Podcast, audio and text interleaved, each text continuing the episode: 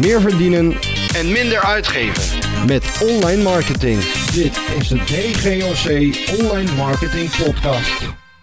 soms heb je van die dagen, dan ben je wel eh, ja, aan het werken en dan denk je van wat ik doe is heel gewoon. Alleen dan kom je erachter dat dat voor heel veel mensen eigenlijk helemaal niet zo gewoon is. Zo begon ik vanmorgen met het opnemen van een, eh, van een promotievideo. Eh, daarna heb ik smiddags nog een, een Facebook live gedaan.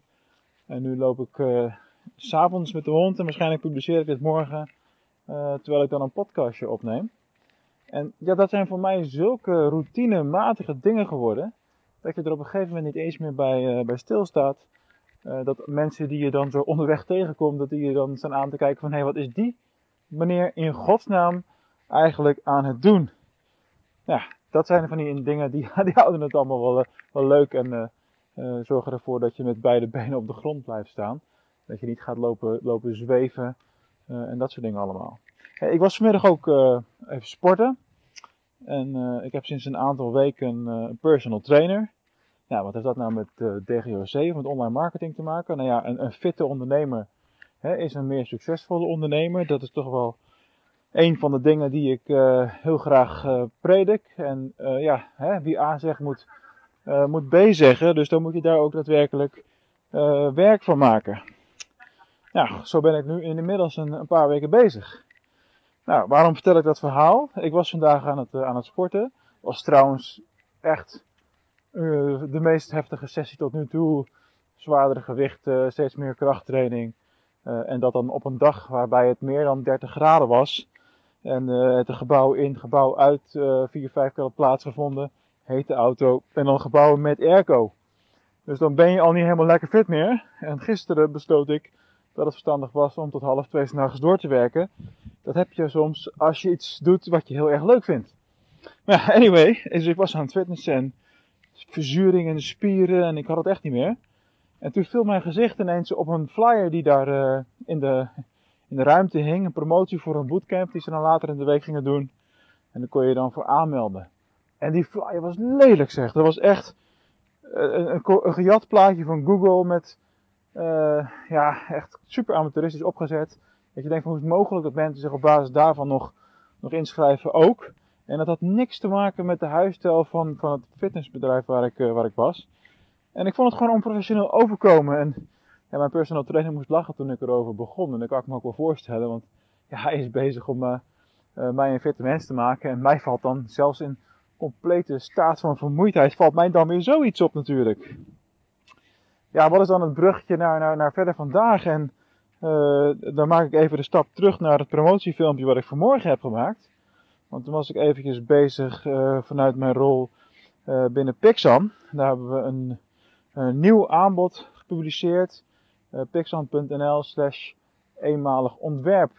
Om daarmee de drempel eigenlijk te verlagen voor mensen die de grafische ontwerpdienst een keertje willen uittesten voordat ze hè, gelijk overgaan naar een abonnement. We zijn daar nu flink eh, gas aan het geven.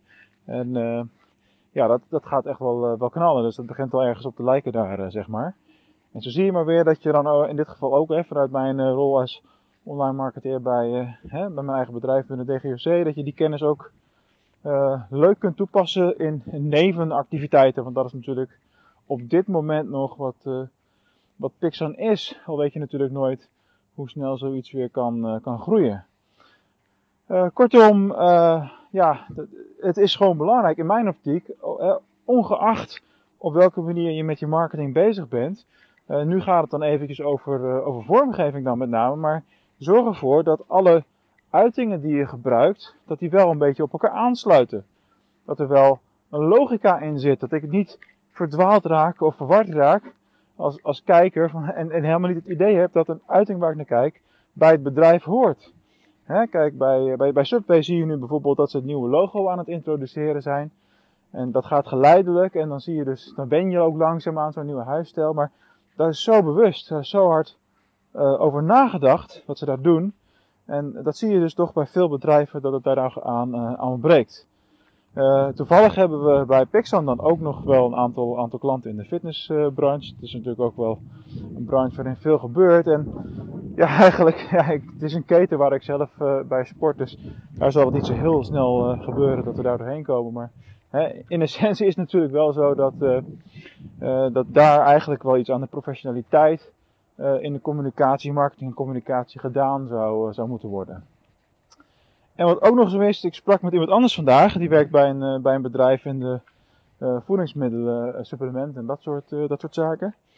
En die hebben gewoon een fulltime grafisch ontwerper in huis. En ik zei, ja, dat begrijp ik wel en niet. Want um, dat is nou typisch het soort werk wat Pixar uit handen zou, uh, zou hebben kunnen nemen. En dan heb je zo iemand misschien uh, voor alle meer ingewikkelde vormgevingsklussen nog twee dagen in de week of zo nodig. En dat scheelt natuurlijk een boel, uh, boel geld. En maar goed, dat is natuurlijk hoe ik er tegenaan kijk. En dan heb ik natuurlijk twee verschillende petten op. Uh, tot slot, jullie merken uh, waarschijnlijk de laatste uh, paar weken al dat ik iets minder vaak interviews heb. ja, op een gegeven moment heb je ook gewoon heel veel van de specialisten die we in ons land hebben gehad. En ik heb ervoor gekozen om met name binnen de landsgrenzen te opereren. Dus ook in mijn content. Dus het ligt niet heel erg voor de hand om heel veel interviews te gaan doen met buitenlandse experts. Hoewel het soms wel, wel leuk kan zijn natuurlijk. Uh, maar het zal wat vaker voor gaan komen dat ik dit soort solo-afleveringen zal uh, publiceren. En wellicht dat we op een later moment ook een, uh, een rebranding van de, van de Online Marketing Podcast gaan, gaan doorvoeren. Maar dat is allemaal nog ja, hè, in, in de maak, om het zo maar te zeggen. Dus denk, eens, denk goed na over wat jij zelf ook doet met, ja, met vormgeving als onderdeel binnen de marketing van jouw organisatie. Het is echt belangrijk om daar professioneel mee om te gaan.